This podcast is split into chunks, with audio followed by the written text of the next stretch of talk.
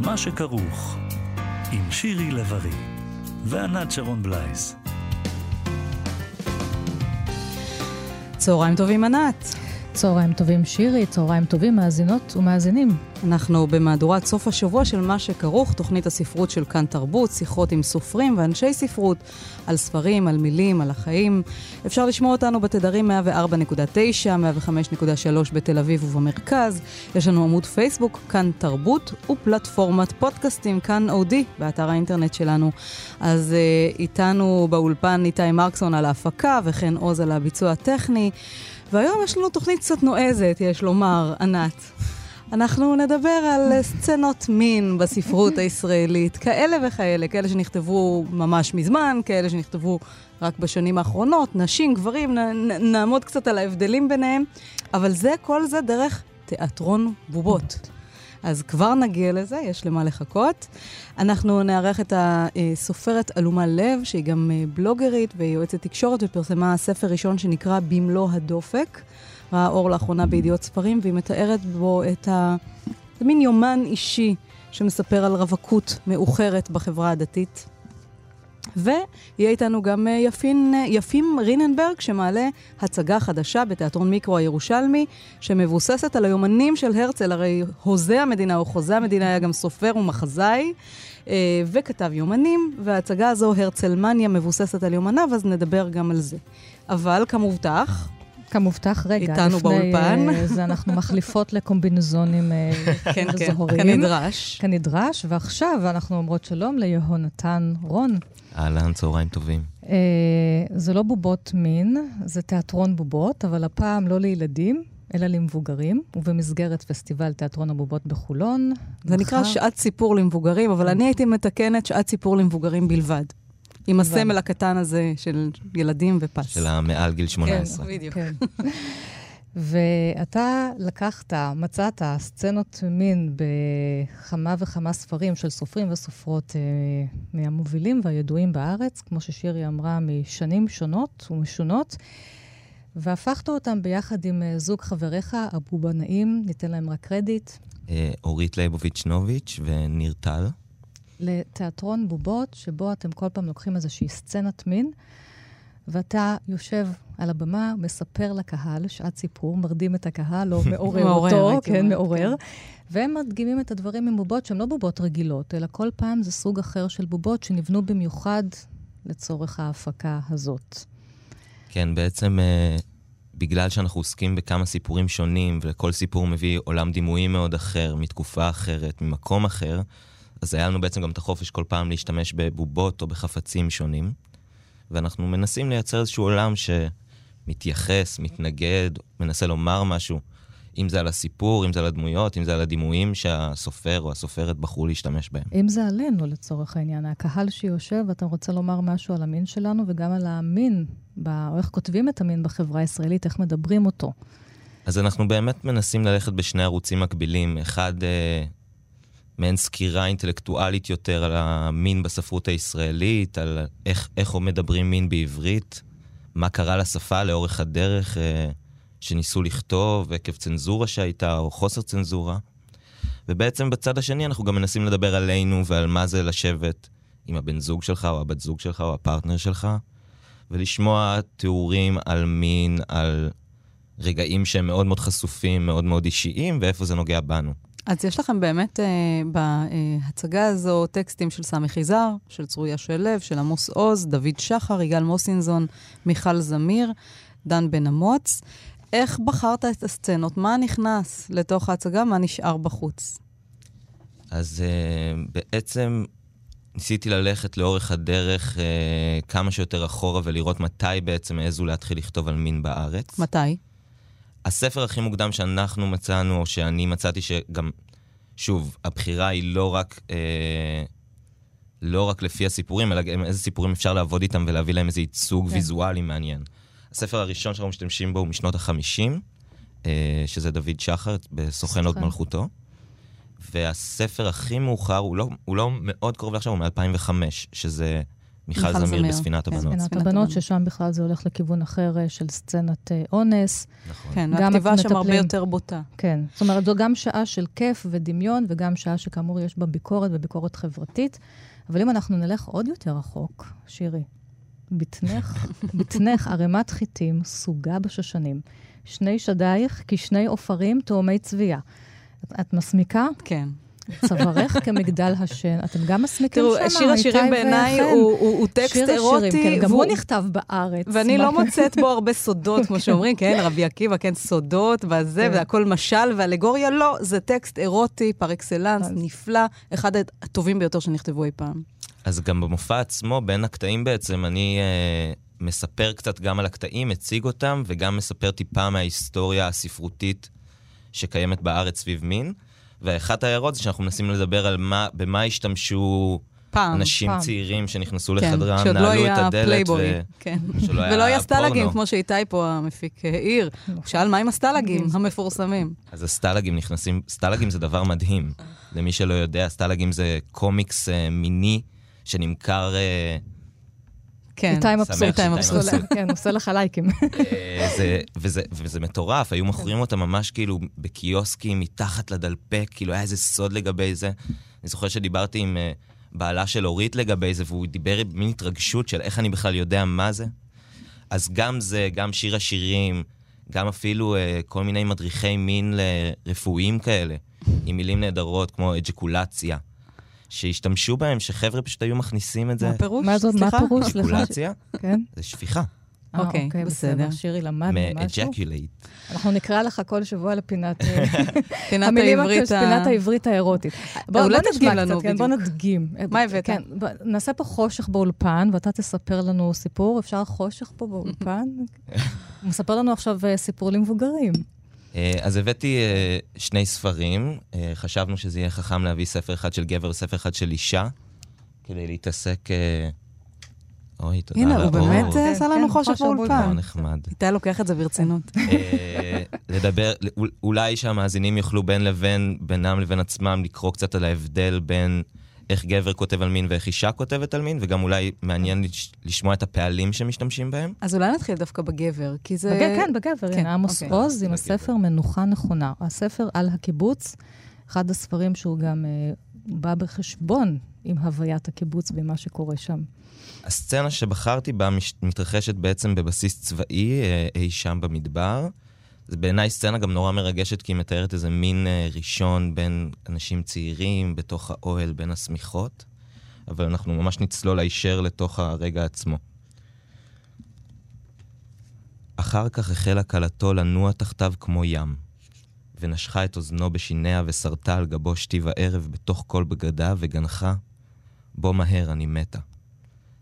אז התרתח יונתן והבקיע שוב ושוב, והיכה בתוכה ונהם והרביץ והצליף, והטיח כהורס קירות חזקים, ופרץ והימם את כולה ועקר מבטנה שוועת בכי ועוד שוועת בכי, ופתאום, כמו כלב ירוי, צבח גם הוא, והחל לייבב ולשטוף בדמעות ובזרע, כאילו נפתחו כל פצעיו ודמו שוטט וקולח. אתה יודע, הרבה פעמים אה, נוטים אה, לבקר את האופן שבו, שבו סופרים, בהם גם עמוס עוז, כותבים על, על מין, שיש בזה משהו מחפצן, משהו קצת אגרסיבי, אולי אפילו אלים. מה אתה חושב כשאתה קורא את הסצנות האלה? אמ, מתוך המחקר, באמת אה, אחד הדברים שדיברו עליהם זה איך מוטיבים של אה, ביטחון, של דמות הצבר, אנשי הביטחון, אנשי האדמה, אנשי כיבוש האדמה, נכנס לעולם הדימויים המיניים כי לא השתמשו במילים עצמם. כובשים את האישה. כובשים את האישה, וכאן יש לזה דוגמה מאוד יפה לכאילו, הוא מתאר את המין, הוא מטיח, הוא מצליף, מכה, הוא מכה, כן. הוא נוהם. מאוד אלים. זה גם מצד מאוד אלים. אחד וזה- המילים של עמוס עוז, כתמיד המילים של עמוס עוז, העברית היפה ביותר. מצד שני, אני... האקט הוא... כן, אקט. אתה יודע, אני לרגע מנסה לדמיין את עצמי, אני לא חושבת שהייתי רוצה להשתמש במילים האלו. כן, הייתי רוצה אולי משהו פשוט וגופני יותר, ארצי יותר. ורציתי להגיד על הצד השני, נכון? על הצד כן. הנשי או אבל על הצד לא, ה... גם, לא, עדיין גם אצל בתוך- עמוס, גם בתוך האלימות עמוס עוז, הזאת. כן. וזה זה נמצא לו, גם אצל עמוס עוז. אני חושבת שגם בספר האחרון שלו, הבשורה על פי יהודה, שיש שם איזו סצנת אה, מין אחת, גם שם, אולי זה כבר פחות אלים, אבל התיאור, עדיין יש איזשהו תיאור גדוש מדי, אה, מיופייף מדי, שבסוף לא, אני לא מרגישה נכון כאישה. זאת אומרת, כמעט אצל מעט מאוד סופרים גברים, איכשהו הצלחתי להזדהות אי פעם אבל עם סצנות מין נלך, שלהם. כן, אבל אם נלך נגיד לכתיבה הנשית על מין, את לוקחת אה, סצנה כמו אה, בחיי אהבה של צרויה שלו, או אצל מיכל זמיר במבחר מספריה, זה מאוד בוטה, זה לא פחות בוטה מאשר כן, זה הכתיבה כבר, הגברית. זה כבר עם, בוטה מהמקום, מהמקום שתראו איך מתייחסים אליו עם, ה- עם האמירה הביקורתית של הפוך על הפוך. זה לא הבוטות שגבר כתב, כי כך הוא גם חשב שהוא צריך להתייחס לנשים, אלא זו הבוטות של ככה התייחסו אלינו, ועכשיו בואו. נפרק את זה. לי זה, זה בעיקר מעניין אותי במקום שאני לא חושב שהיה פה ניסיון לכתוב סצנה אלימה. כאילו, יש פה איזה ניסיון נכון. לכתוב סצנה נורא רומנטית, מין ראשון, בין השמיכות הדוקרות בתוך האוהל, ולעומת זאת, האיבר המין הגברי מתואר כמו נחש מוכה זעם. כן, כן. מה עוד הבאת לנו? מלחמת צוללות. אז הבאתי, אה, אני אקריא עוד קטע מחיי אהבה של צרויה שלו, שאותי אישית, מה שמעניין בו גם כגבר וגם כיוצר, זה קצת להתחקות אחרי מה נשים רוצות ומה הפנטזיה הנשית. גם ספציפית בספר הזה מתואר אישה שמתאהבת בגבר מבוגר, חבר של אה, כן. הספר עצמו מאוד מאוד אה, מיני. מאוד מיני. כן. יש פה רומן. בין, כן, אישה אישה ובין המאהב אהב. לשעבר של האימא שלה, שלה, קצת כן. ככה בעקבות עגנון. אה, כן. אז אה, היא כותבת ככה, בוא נמצא את זה. אוקיי. אה, הם בתוך החדר, אה, ה- הגבר באבל על אשתו שנפטרה, והיא מגיעה אליו, ומעשנים אה, מה שנקרא, והוא קורא לזה נורא יפה, סיגריה תנחומים. ואז הוא חזר ונשכב לידי, ובבת אחת משך אותי בכוח והושיב אותי עליו. מעלה ומוריד כאילו אני בובת סמרטוטים. משפיל ומרומם, מרחיב ומקצר, מיישר ומעקם. אוחז ומשלח, וזה כאב. כמו בפעם הראשונה שלי, כמו אז בין פחיות הבירה והפחמים. אבל הפעם לא היה לי אכפת. כל כך אהבתי את הוויתור על הרצון, על השליטה, שאפילו לא עליי ההחלטה אם להזיז את התחת שמאלה או ימינה, למטה או למעלה. שמעתי אותו אומר, תצעקי עכשיו, מותק. ואני צעקתי כי הוא אמר, ורציתי לעשות כל מה שהוא אומר. זה אפילו לא היה רצון, אלא מין ידיעה שכל מה שהוא אומר אני עושה, ואפילו לא הפריע לי שהוא קורא לי מותק. מתוך הוויתור המוחלט זינק פתאום נחשול של מתיקות, כאילו מטביעים אותי במיטה מלאת דבש. וגם התנועות שלו בתוכי נעשו רכות ומערסלות. הנה, יש לי בין הרגליים תינוק קטן שמשכיבים אותו לישון. וככה פשוט נרדמתי. אפשר כבר לשים לב לעברית האחרת שצרויה שלו משתמשת בה, משהו ארצי יותר, עד ה... נאמר, עם המיטת דבש. אני חושבת התינוק, שאולי. זה נכון, ענת, שככל שנוקפות השנים, אז מחפשים פחות דימויים לאיברי המין ולאקט עצמו, ומשתמשים הופכים בדברים כפי שהם, כן? אומרים. אותם כפי שהם. אצל מיכל זמיר אפילו, כן. אפילו בצורה יותר, כן, יותר בוטה, יותר. יומיומית. איך חושב- זה עובד עם הבובות? כן. כשאתה מקריא לנו את זה כאן באולפן, אוקיי, אנחנו מתמסרות לקריאה, אבל אה, מה קורה על הבמה? איך האינטראקציה עם הבובות?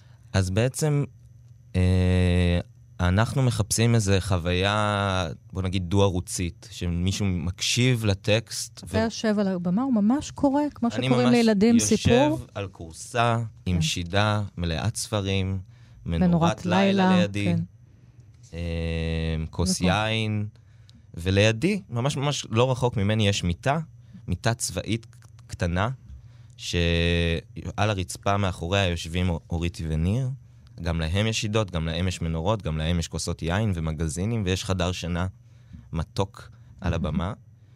והקהל מקשיב לי ורואה אותם, ונע אבל למשל, איזה כל הזמן- בובות, איזה בובות, כי זה לא הבובות רגילות, לכל סצנה גם נכון. יצרתם אה, בובות ואובייקטים אה, אחרים. אז למשל, עם צרויה שלו, מה... אז בצרויה שלו באמת אנחנו מנסים ללכת מאוד עם הדימוי שהסופר מציע. אז לפני הרגע שהקראתי, אה, צרויה מספרת על איך האישה ישבה, הגבר נשכב על המיטה והאישה ליקקה אותו והרגישה כאילו היא בונה אותו מחדש. זה ממש תיאור שהיא מתארת, היא אומרת, הרגשתי כמו אלוהים. כן. ולקחנו את הדימוי הזה והתחלנו פשוט לבנות בו- בובות מנייר. כלומר, לקחנו גזרי נייר שהוצאנו מעיתונים, של חלקי, חלקי גוף, ידיים, ראשים, איברי מין, בכל מיני צורות. ואוריטי וניר פשוט יושבים ובונים את האישה והגבר המושלמים. כל אחד מנסה לבנות מראה לקהל ומנסה לבנות מה עם הציצים היפים ביותר, איזה בגד היא רוצה שהוא ילבש, ומשחקים עם זה, זה בסופו של דבר יוצא אירוע נורא משעשע. אז זה גם משחק, אבל עם מה אתה רוצה שהקהל ילך הביתה אחרי המופע המיוחד הזה? אז אני... חוץ מלקרוא את הספרים, כמובן. כן, חוץ... תמיד אנחנו ממליצות בשעה הזאת. שזה משמח בכלל. כן. Um, בעיקר אנחנו רוצים לצאת מאיזה uh, חוויה, זה, זה דיון שקורה הרבה, וקורה לנו הרבה עכשיו לקראת ההופעה, זה מין שאלה שעולה, מה הרלוונטיות של זה בעולם שמין הוא כל כך חשוף, וכל פרסומת וכו' וכו' וכו'. ועדיין אנחנו באיזושהי חוויה, גם מתוך ההתעסקות שלנו סביב זה, שהשיח על מין בצורה חשופה ורגישה, כמו שמוצגת בספרים, הוא לאו דווקא שיח שמתנהל בין אנשים, בין בני זוג אפילו. ואני מרגיש שאם זה מאפשר איזה חופש לבן אדם ללכת אחרי זה ולחשוב איפה הוא מוצא את עצמו בתוך הסיטואציה הזאת, איך הוא מול האינטימיות, איך הוא מול הבן זוג שלו, ואולי יצליח לייצר על זה שיח במיטה שלו, זה ממש ענף. אגב, אמרת, אמרת בן זוג, ואני חשבתי על, על האם יש סצנות אה, מין אה, אה, הומואיות או לסביות. אז uh, כרגע אין. בספרות הישראלית. ו... לא, בספרות הישראלית קיים, כן, כמובן כן. שזה בשלב הרבה יותר מאוחר הגיע. כן. וגם זה מאוד מהר שוייך לספרות יחסית נמוכה. Mm-hmm. כלומר, זה מין ספרות שלא מוערכת מאוד, שלא זכתה לביקורות מאוד מאוד טובות, ועל כן זה גם לא נכנס בתוך הסקירה ההיסטורית שאנחנו עושים. היות ואנחנו ממשיכים לרוץ עם הדבר הזה, אנחנו מופיעים עכשיו בפסטיבל אה, בובות בחולון, ב-12 לשמיני נופיע בתיאטרון החנות בתל אביב. ואחרי זה המטרה היא פשוט להגיע לספריות ברחבי הארץ ולפגוש אנשים. כן, במקום שעת סיפור לילדים, כן. שמתרחשות פשוט שעת סיפור למבוגרים, ואז אה, אתם תרחיבו את הרפרטואר. לחכות שהספרייה תיסגר כן. ולהזמין את המבוגרים. אז אולי לסיום דווקא, אני כן אציין סופר אחד עם ה... דוד גרוסמן, עם הספר שתהיי לי הסכין, שהוא באמת רומן שעוסק כולו בהתכתבות כל כך אירוטית, כי הגבר והאישה לא נפגשים שם, ושם אני חושבת שהם כן דרך המילים מצליחים לייצר איזושהי שפה של בשר ש... נוגע בבשר ויש איזשהו קסם. כן, המילים כתחליף לבשר. וגם הבשר שהופך מילים. הגוף שהופך מילים. יהונתן רון, שעת סיפור למבוגרים, מחר ומחרתיים בפסטיבל תיאטרון הבובות בחולון. נפלא. תודה רבה לך. תודה לכן. הנה, עוד סקס, בבקשה.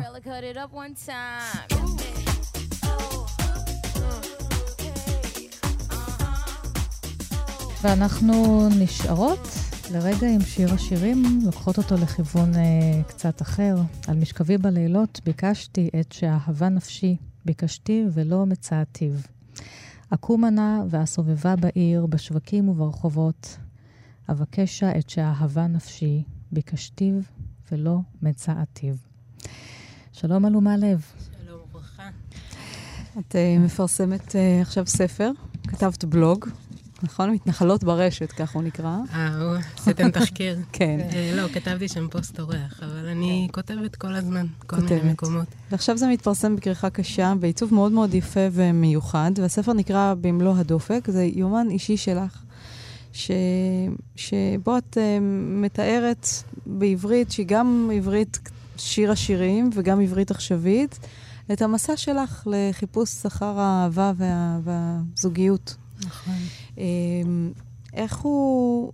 הספר הזה מחולק לשבעה שערים. הראשון נקרא מה שהוא לא בסדר, והאחרון, השני נקרא בתים ושברי בתים. כן. זה שמות לא קלים. פנטום מעתיד, נקרא אחד הפרקים. Uh, את כותבת ממש בהתחלה, רקמת צלקת, דקה ופגיעה מרקמה בריאה.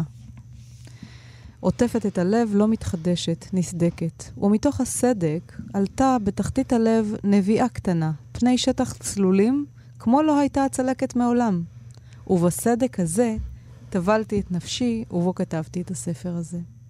אז ברקמות המתחדשות שאחרי הצלקת, ברגע הזה, אה, אולי של מנוחת הנפש, כתבת את הספר הזה, שבאמת נפשך לא נחה בו. תספרי לנו קצת איך הוא נולד. הוא נולד אה, באמת ברגע של הבנה שמשהו לא בסדר. ככה, אחר הצהריים דיברתי עם גיסתי, ופתאום הבת הקטנה שלה בכתה בטלפון, ופתאום קלטתי איך אחרי צהריים שלי נראה, ואחרי צהריים שלה נראה. אה, ופתאום קלטתי שאנחנו חיות בשני עולמות שונים. ואז ככה התחלתי לבשל את הכתיבה בראש, ואמרתי לעצמי, אל תכתבי, זה סתם מדכא. את יודעת להביע את הרגש, אבל אל תכתבי. ואחרי זה כתבתי, לא הייתה לי ברירה. הכותרת משנה של הספר, רישומים של רווקות מאוחרת. נכון. ואנחנו מדברים על רווקות מאוחרת בחברה הדתית. אני אה, לא חושבת שזה רק בחברה. לא, זהו, רציתי נכון. לומר, אבל בואי תגידי את, ואחר כך אני אומר את מה שרציתי. אני חושבת שזה בכל מקום ככה. יש ניואנסים שהם שונים. כן. החיפוש שלי הוא כנראה במקומות אחרים מאשר חיפוש של מישהי לא דתית, אבל... אה, אולי גם הגדרות הגיל אה, הן אחרות, כי בחברה הדתית הנישואים מוקדמים יותר, והרווקות מתחילה להיות מוגדרת משלב מוקדם כן. יותר. כן, אני גם חייבת להודות שאני בת 33, אני לא מרגישה איזה... כן. מאוד מאוד זקנה ומיובשת, ואני לא מרגישה ככה, אבל uh, אני לפעמים חושבת שאני אפילו לא יודעת מה אני מפספסת, וזה הדבר שמפחיד אותי, שאני ככה מאוד התרגלתי, מאוד נעים לי, מאוד כיף לי, אני ככה בעצמאות מאוד גדולה, uh, ואני לא כל כך קולטת לדעתי מה אני מפספסת. אז אני ציינתי קודם את החברה הדתית, ולא יכולתי שלא להזדהות עם הדברים שכתבת בספר, כי את אומרת שאת בת 33, אז גם אני עד גיל 33 פלוס מינוס הייתי רווקה מאוחרת או מוקדמת, ואז מצאתי את uh, בן זוגי, והפכתי להיות אימא בגיל 40, אז גם אימהות מאוחרת. Uh, ובאמת, מצד אחד, שמחת העצמאות. את עושה מה שאת רוצה בה, מתי שאת רוצה.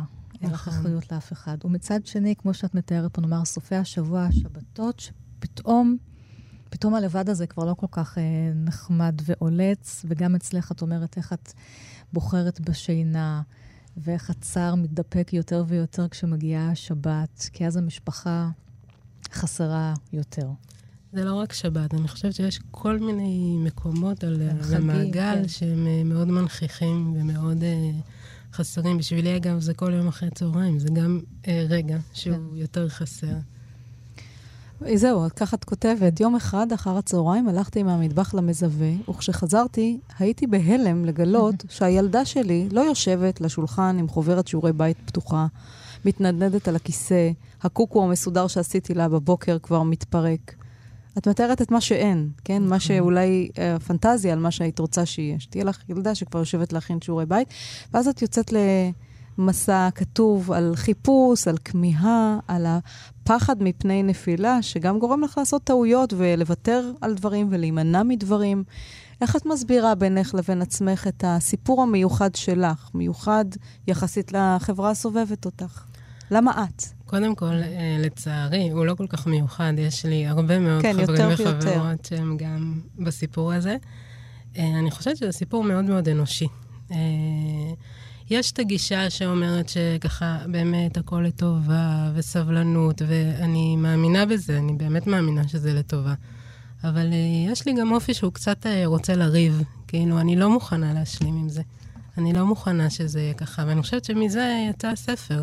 כי אם הייתי ככה באיזושהי השלמה וככה צידוק הדין, זה נקרא אצלנו, אז אה, לא הייתי כותבת. את, את, את מתארת uh, רגע שבו חברה, רגע יפה של נחמה, שבו חברה אומרת, את יודעת, אני מאוד מבינה אותך, כי בעצם את קיבלת את התפקיד הזה, כמו שיש נכון. אדם שקיבל תפקיד להיות אני, אז את קיבלת את הרווקות המאוחרת הזאת, אבל בעצם זה את קיבלת, וכל אחד אחר יכול היה לקבל את זה, ואנחנו ביחד בסיפור הזה. נכון. ומצד אחד זה מנחם, וכמו שאת כותבת גם בהמשך, את, את, את מורדת גם בזה. והשאלה שלי, את באה ממקום אה, מאמין. אה, איך הדיאלוג שלך עם אלוהים סביב הדבר הזה? אה, וזה את נמצא כועסת כל עליו, הספר. את כן. מתיחה בו, את מאשימה אותו, את מורדת ואחר כך מתחרטת? איך זה נראה? אני פשוט מאמינה שקשר יש לו הרבה הרבה גוונים. אה, אני לא רוצה קשר שהוא רק אה, להגיד לו כל בוקר תודה, למרות שאני אומרת לו כל בוקר תודה. אני חושבת שקשר אמיתי זה לשתף אותו בהכל. וכשלא טוב לי, אז לא טוב לי. זה גם, כאילו, אני כתבתי את זה, את מסתכלת למציאות בעיניים והיא שואלת אותך בכנות, יש או אין? אז אה, אני, אני כן, ב, ב, מלמעלה ובמסגרת אני מאמינה שזה לטובה, אבל אני מאוד מאוד מאמינה בשיח שבו אני יכולה להביא הכל, להביא כשאני כועסת, להביא כשכואב לי. אני חושבת שזה שיח יותר uh, עמוק. שהוא בעצמו איזשהו שיח זוגי, שאת נכון. מנהלת עם אלוהים, שהוא לא איזשהו שיח אוטומטי, אלא כל הגוונים של הרגשות נמצאים שם. אני רוצה שתקראי בבקשה בעמוד 48 מהפרק ששמו רתיחת נפש. אוקיי. שבו, שוב, זה העניין הזה שחברות מודיעות, מודיעות לך שהן מתארסות או מתחתנות, ואנחנו שמחות בשמחתן, אבל עד גבול מסוים. יש גבול. והנה האנושיות, כן, כן. האנושיות יוצאת. בבקשה. אוקיי. בוקר אחד קיבלתי רצף הודעות על חברות שילדו וחברות שהתארסו. הייתי עוד במיטה ולא עמדתי בזה. תמיד דמיינתי את הנשמה שלי כעיגול אור גדול בשמיים, ורק חלקו הקטן, אני בגופי, נמצא כאן על הארץ. נשמה גדולה מן הגוף, מזינה אותו, שולחת אליו עוד ועוד אור. אבל באותו בוקר הרגשתי מטולטלת, מעורערת, בלי יכולת לראות את האור הענק שמחפה עליי. הוא לא ניקה ממני את הכאב. כבשתי את הפנים בכרית, ובמקום לברוח, לקום ולפרוק את הצער איכשהו, נשארתי בשקט. לא ניסיתי לעודד את עצמי, רק הודעתי לריבונו של עולם שזה רגע יקר מאוד ושיבוא להיות איתי. אחר כך קמתי אל יום בסתר המדרגה. דיברתי עם אחותי, אמרתי לה שאני מרגישה לא רלוונטית. אמרתי לה שנמאס לי לומר שאני רוצה גם. היא ענתה לי, יהיה לך גם, יהיה לך גם, לכל אחד יש גם משלו. ויחד בלי לתאם צחקנו, לכל אחד יש פגם משלו. אחרי הכל אני אדם קטן, נרגעת כשאני רואה שיש מי שמשתרך אחריי, נלחצת כשעוקפים אותי בסיבוב, והרי אף אחד לא נמצא מעליי בהיררכיה רק אם הוא נשוי ומוליד. הנה, איזה מעגל אור ענק הנשמה שלי עושה שם למעלה. בזה הצלחתי להאמין. אבל מה שלא הצלחתי לקבל על הדעת, הוא שאני מרגישה הרחק מאחור כשאני כאן על הארץ, בלי זוג עיניים נוסף שיחזיר אותי לפרופורציות ויאמר לי בחיוך, בוקר טוב. והזוג עיניים הזה, את כותבת לא פעם על זה שהיית רוצה להיות בעלת ערך באופן עצמאי, בלי קשר לאותו זוג עיניים. את כותבת, ידעתי שמסוכן לתת את שווי חיי בידיו של מישהו אחר, לחשוב שאני ריקה אם אני לבד. זה, זה מסוכן, כי אז באמת נופלת עייפות עמוקה ואין טעם לשום דבר.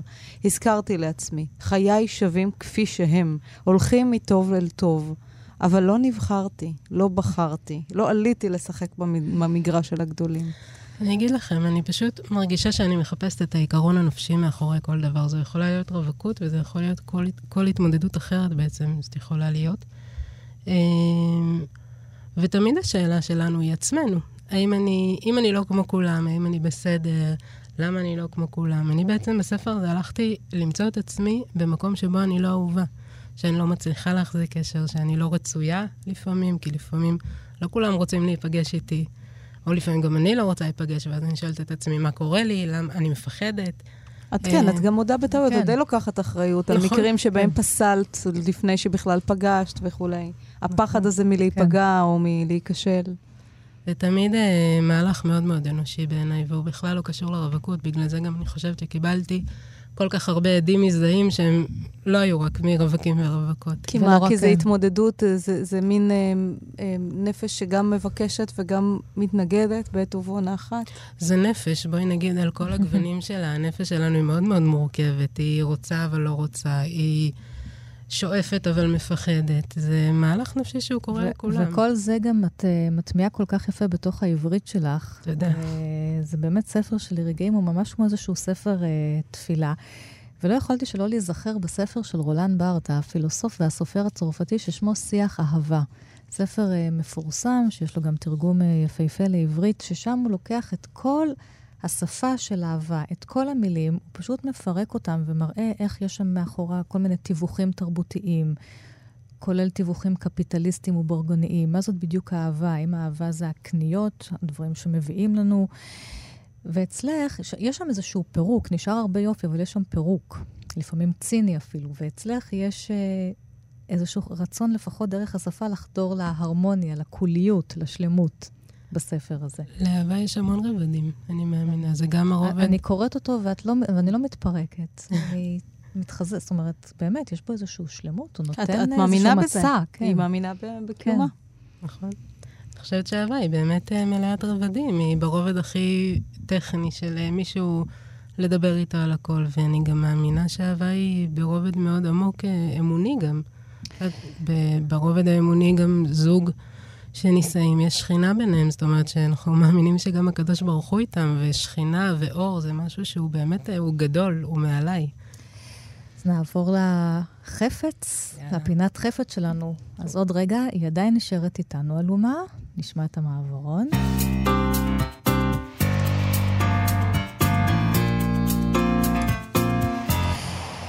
פינת עת לכל חפץ, שאנחנו מבקשים מהסופרים והסופרות שמגיעים אלינו להביא חפץ שיש מאחוריו סיפור, ואלומה, את כאן עם טבעת זהב מרהיבה, משובצת באבני אודם. קטנטונת. קטנטונת, כן, הוצאת אותה משקיק מוזהב.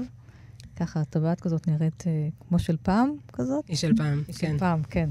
אה, זו טבעת שקיבלתי מסבתא שלי. יום אחד אה, בכיתי לה על זה שהיא מחלקת את הרהיטים שלה לאנשים, לאחים הנשואים שלי, ולי היא לא נותנת. אז היא אמרה לי, בואי, בואי. לקחה אותי לחדר ונתנה לי הרבה תכשיטי זהב, והטבעת הזאת ספציפית, כשסבתא שלי וסבא שלי החליטו, להתחתן, אז אה, סבתא רבא שלי נתנה להם את הכסף, ואמרה להם, לכו, תקנו. אה, סבא שלי עלה מהשואה, בעצם מהונגריה, והוא הגיע אל הבית של סבתא שלי, סבתא רבא שלי אירחה אותו, ואז הוא ככה ביקש ממנה אה, להתחתן עם הבת שלה. אז זאת הטבעת שהם אה, קנו כשהם החליטו להתחתן. את גדלת ביישוב אה, מחולב, את גם גרה בו, בבקעת נכון, הירדן. נכון. ספרי קצת באיזה רקע עשתה את כל המסע. לכאן, לתל כן, אביב. הגיעה לכאן בשיא כן. החום, מהבקעה. בשיא החום, השיא החום הוא אצלנו, לא אצלכם. זה כן. יישוב דתי, נכון. נכון? כן. קודם כל, באמת אני חושבת שבספר מופיע הרבה מוטיב הנסיעה.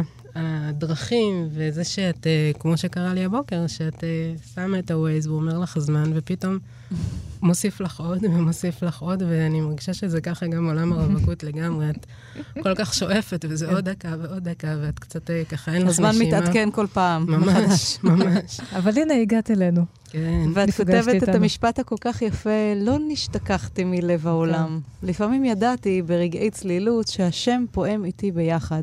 אבל בזמן אמת זה לא דבר שקל לזכור. נכון. כשכואב, אה, אז כואב. לא נשכחת, כן. אז אה, אנחנו אוהבים שזוכרים אותנו. אלומה לב במלוא הדופק בידיעות ה- לכם. בידיעות ספרים יצא הספר, להתראות. תודה.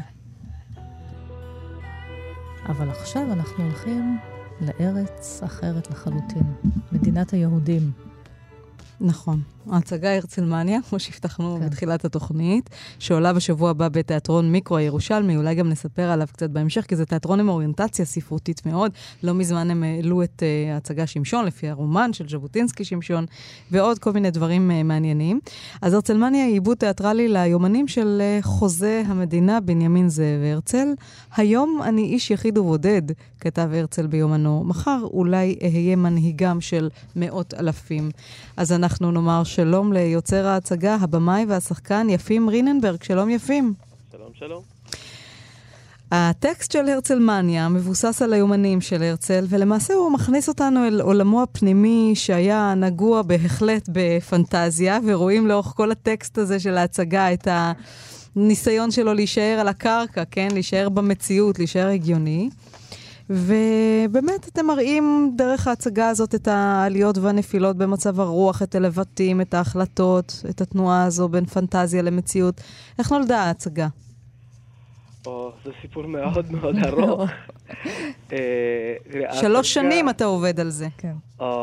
שלוש שנים זה הגדרה מאוד מעטה. שלוש שנים זה הזמן שעבר בין הגרסה הקודמת לגרסה הזאת. והגרסה הראשונה שהעליתי, העליתי ב-2011, אה, ואז שיחקו בה 11 שחקנים ואני לא הייתי על במה. אה, בגרסה האחרונה יש שחקן אחד, אה, וזה אני. אז אני מתעסק עם הרצל הרבה מאוד, הרבה מאוד שנים, וזה בעצם התחיל מהעובדה שעבדתי בחנות ספרים. וחנות ספרים יד שנייה בירושלים לפני עשור, וראיתי ערימה במחסן של כתבי הרצל שאף אחד לא נגע בהם. היה עליהם אבק אינסופי, וזה עצבן אותי ממש. אה, והבנתי באותו רגע שזה עצבן אותי שגם אני אף פעם לא קראתי.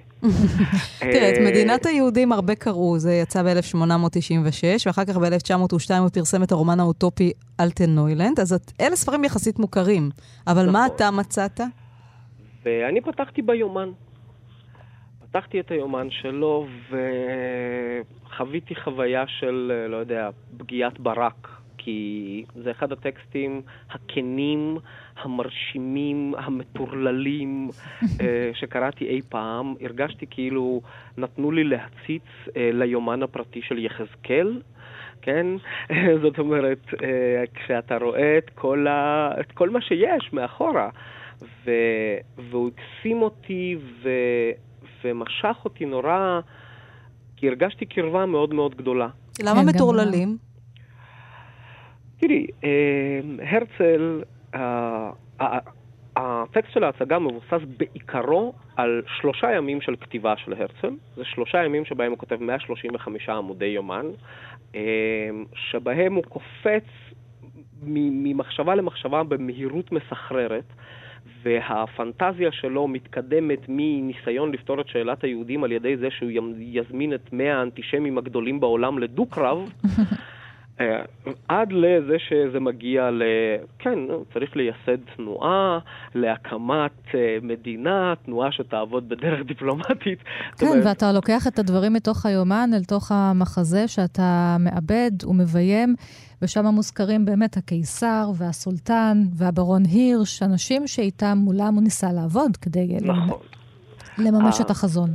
בטקסט שלי היומן הוא בהחלט בסיס, אבל ביחד עם זה הכנסתי לשם, זה עריכה מאוד מורכבת שלקחה באמת הרבה מאוד זמן, כי אני סיימתי את הגרסה האחרונה עכשיו והתחלתי את הגרסה הראשונה ב...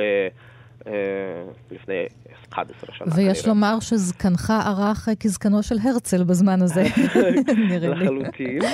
אה, אבל אה, הכנסתי לשם קטעים מהאיגרות הכנסתי לשם קטעים מאלטנוילנד, יש שם קטעים מהפלייטונים שלו, יש שם דוקומנטים, הטקסט של הסולטן הוא דוקומנט, זה מה שכתב כן. הסולטן עבדול חמיד בתשובה לבקשת הרצל. אז יש שם ערבוב של הרבה מאוד טקסטים מחייו של הרצל.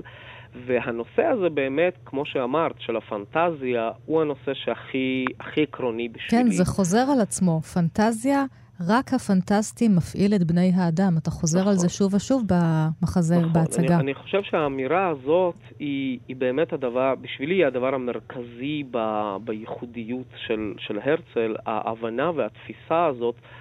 בסוף חייו הוא כותב, אסור היה לי להישאר בתוך, לכלוא את עצמי בתוך הפיכחון. והדבר הזה, המשפט הזה, הוא משפט של אומן. הוא לא משפט של מדינאי, הוא לא משפט של פוליטיקאי, הוא לא... הוא משפט של אומן. כי מה ו... הולך לאיבוד כשאתה נמצא בפיכחון? אמ, פעם שאלו את הנרי פורד, uh, למה הוא אף פעם לא עושה בחברת פורד סקרי שוק, סקרי דעת קהל. כי הוא אמר, אם היינו עושים סקרי דעת קהל, אז אנשים היו כותבים שהם רוצים סוסים יותר מהירים, ואף פעם לא היינו ממציאים את המכונית. אז זאת אומרת אה, שלא כן. תמיד צריך להתחבר על ה... ואני חושב שההבנה הזאת של הרצל, העובדה שהוא ייצר, המציא מחדש את הדבר הזה מהפנטזיה שלו, מה... כן, אבל זאת פנטזיה שמחוברת למציאות. שוב, כמו שרואים ביומנים ובאיגרות ובמכתבים, באנשים שהוא פגש, הוא חושב איך יהיה הון מאיפה הוא ישיג כסף כדי אה, להתחיל איזושהי תנועה, להקים נכון, משהו במדינה והוא לא הזאת. והוא לא משיג. איך אתה מדבר מול הסולטן, איך מול הקיסר? זאת אומרת, אתה צריך הסכמות. למה שהסולטן הטורקי בכלל ייתן מדינה ליהודים, והוא אכן לא רוצה? נכון. הכל מבוסס על מציאות, איש מאוד מפוקח, אבל אה. יודע, יש סדק בפיקחון, ומתוך הסדק הזה צומחת הפנטזיה שלבסוף, אה, לא, לא בדורו, אבל התממשה. הוא אמר, אנחנו דור הגבול, והנה, אתה ושירי ואני, אנחנו כבר הדור ש... אחרי הגבול. אני חושב שבאיזשהו מובן זה מה שחשוב לזכור, שכשהרצל מת בגיל 44, צעיר כל. כך. שום דבר ממה שהוא רצה לא מתגשם. נהפוך הוא. שום דבר. נהפוך הוא, בדיוק. זאת אומרת, הוא אפילו, חזה, הוא אפילו חזה בכתבים שלו את השואה. את נכון. זה שירצחו אותנו וישנאו אותנו על אדמת אירופה. זאת אומרת שהאיש הזה שמוציא את כל כספו, את כל כספי אשתו, את חייו ואת הבריאות שלו למען הפנטזיה, מסיים את חייו בכשל, בכישלון, הוא לא מצליח לממש אותה. אז האם לפנטזיה הזאת יש ערך? העובדה שאני ואת מדברים עליו היום בעברית במדינת היהודים, אני חושב שהיא תשובה נורא מעניינת לשאלה האם לפנטזיה אה, יש ערך. יש לה כוח, היא כאילו שולחת אצבע, אה, ידיים אנרגטיות שפועלות את פעולתן עוד הרבה שנים אחרי הגוף עצמו, הפיזי, לחלוטין, הממשי. לחלוטין. תראה, ככה הוא כותב... היא לא מממשת את הרצון המיידי של האלקטורט נכון. לא מממשת את הרצון המיידי של השוק שאליו אתה פונה, אבל היא מתקיימת ומקיימת דברים ומפעילה דברים ארוכי טווח. הגלים הם הרבה יותר ארוכי טווח כשהבסיס שלהם הוא פנטזיה. אז לפנטזיה יש אנרגיה, אנרגיה שכן, שמתממשת הרבה הרבה אחר כך. לחלוטין, והרצל הרבה מאוד עוסק אה, ב- ביומן שלו, ואני גם, אה, זה נורא מעניין, הוא כל הזמן עסוק במודרנה, כן? במכונות. נכון. במתמטיקה, בשאלה לפתרון, כן? הוא, הוא חלק מההתחלה הזאת של, של, של המודרנה, סוף המאה ה-19, אה, האנשים שמתחילים לחשב את העולם באמת בכלים מדעיים, והוא מנסה בצורה פנטסטית ביותר למצוא הסברים מדעיים למהלכים הפנטזיונריים שלו, והדבר הזה מדליק גלים ש... שמפעילים אותנו עד היום. והוא גם רואה את עצמו כמין משה מודרני, וממש משתמש במילים שהוא רוצה לפנות לקיסר הגרמני, שלח אותנו ונצא. כן. כאילו הוא מדבר עם פרעה. כן, כן. שלח את עמי, ומתאר פה איך אנחנו נגיע באוניות, זאת אומרת, אנחנו חייב היהודים. איזה שיגעון גדלות איזושהי כזה, תיבת לא? נוח, כן, גם שיגעון גדלות. עכשיו, כאן- אולי את תקראי כן. איזשהו קטע, כי הוא- כל פעם עם הפנטזיות, הוא חוזר. מנסה לחזור למציאות, הוא מפחד מהשיגעון שלו. אה, לא, אבל תראו איזה יופי, הוא אומר משהו שמשתמע לכמה משמעויות עכשיו כשאנחנו קוראים את זה. שום כברת ארץ על פני האדמה לא הרבו לחמוד אותה כמו זאת.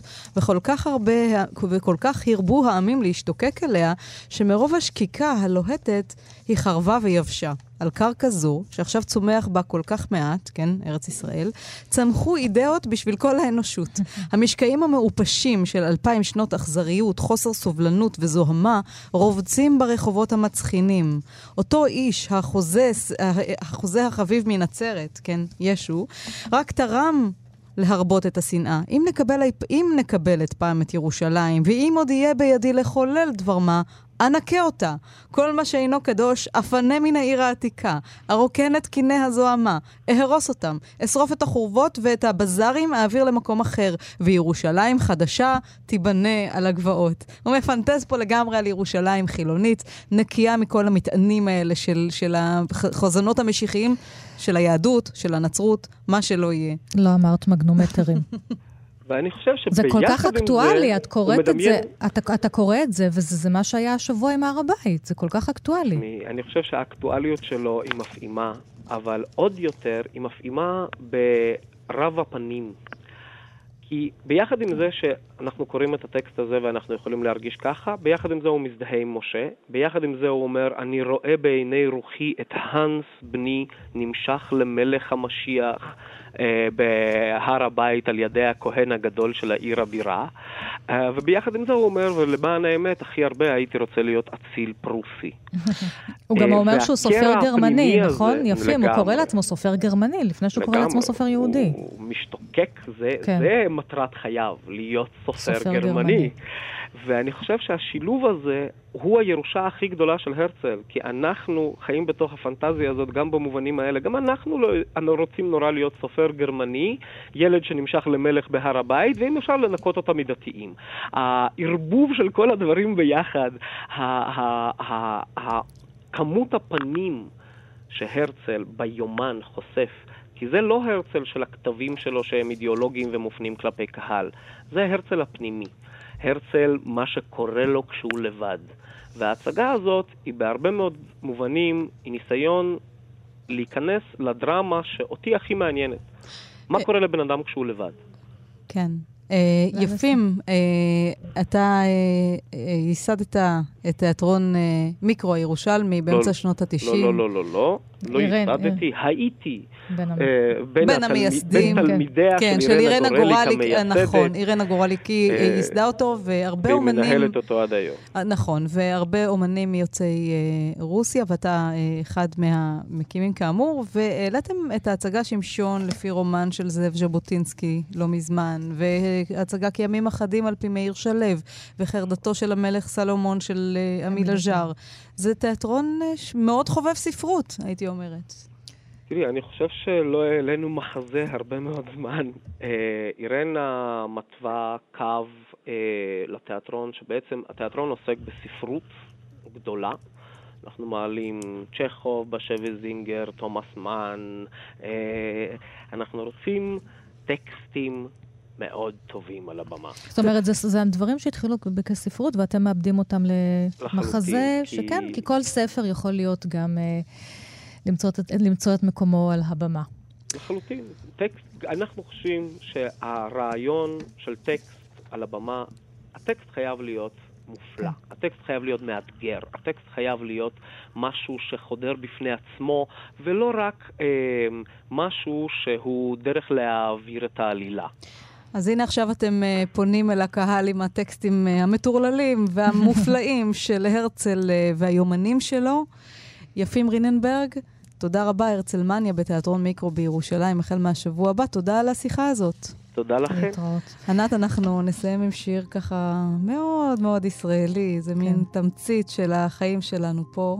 כן, היומן האישי של נכון. דורנו, שירות הסטיקר. אנחנו מקדישות אותו להרצל. תודה, איתי מרקסון על ההפקה, תודה חן עוז, נאמר למאזינות ולמאזינים תודה על ההאזנה, תודה שירי לב-ארי. ענת שרון בלייס. ושתהיה לנו שבת שלום, שבת להתראות. שלום.